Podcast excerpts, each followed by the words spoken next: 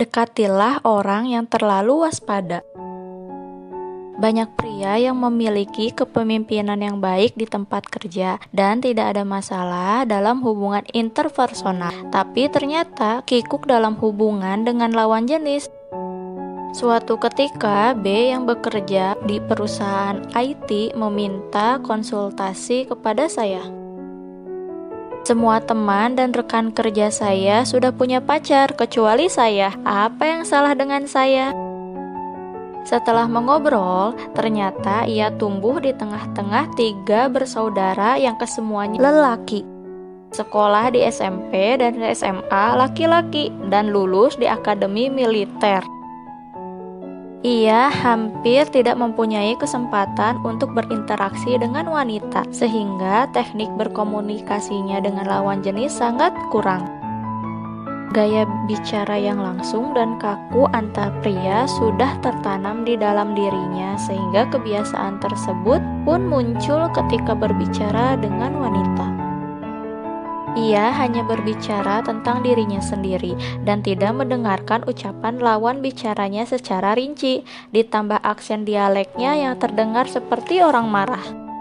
Ia membutuhkan teknik berkomunikasi yang santun terhadap lawan bicaranya. Syarat paling pertama yang harus ia penuhi adalah rapot. Rapot adalah hubungan saling percaya antara seseorang dengan orang lainnya yang merobohkan dinding hati agar lebih mudah untuk berkomunikasi satu sama lainnya. Istilah ini berasal dari kata Perancis yang memiliki arti merujuk ke atau diambil dari dan merupakan konsep yang banyak digunakan dalam psikoterapi, konseling psikologi, dan pelatihan. Rapot adalah teknik yang sering saya gunakan karena harus berurusan dengan banyak konseling.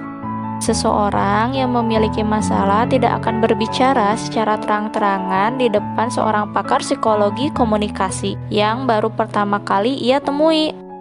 Ada jarak jika saya tidak memperlakukannya dengan baik, bersikap angkuh, atau tidak menghiraukannya di saat seperti ini, ia akan lebih sulit untuk mengungkapkan isi hatinya. Kemudian, tentu saja, konseling tidak akan berjalan secara mendalam.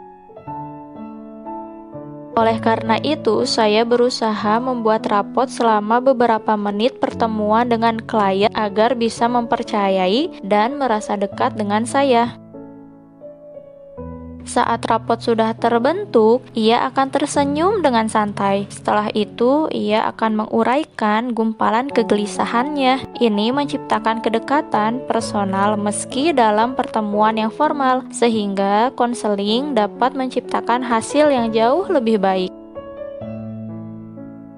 B. Perlu memanfaatkan rapot dengan baik. Ia harus lebih dahulu membentuk rasa saling percaya dan keakraban untuk menciptakan emosi yang lebih baik pada pertemuan pertama dengan wanita. Hal ini juga berlaku pada wanita yang kesulitan mendapatkan pacar.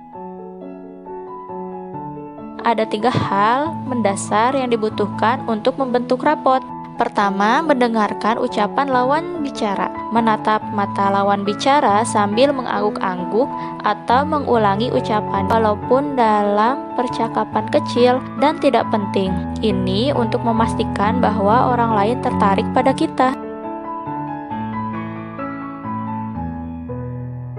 Kedua, mengikuti gerak lawan bicara.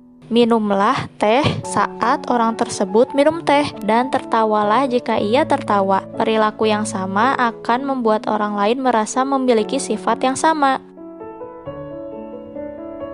Ketiga, mengungkapkan kisah pribadi. Ini bagian dari yang paling penting. Dengan mengungkapkan diri secara jujur atau menangkapkan celah yang tidak disangka, kita dapat melenturkan kewaspadaan orang lain dan memberi kesan yang baik kepada mereka. Ketika tembok kewaspadaan dan jarak berdiri, sulit bagi siapa pun, bukan hanya lawan jenis, untuk merasa aman. Jadi, mulailah dengan membangun keakraban atau kedekatan untuk meruntuhkan tembok. Anda sudah setengah berhasil apabila pintu hati sudah terbuka diambil dari buku komunikasi itu ada seninya Oh Suh Yang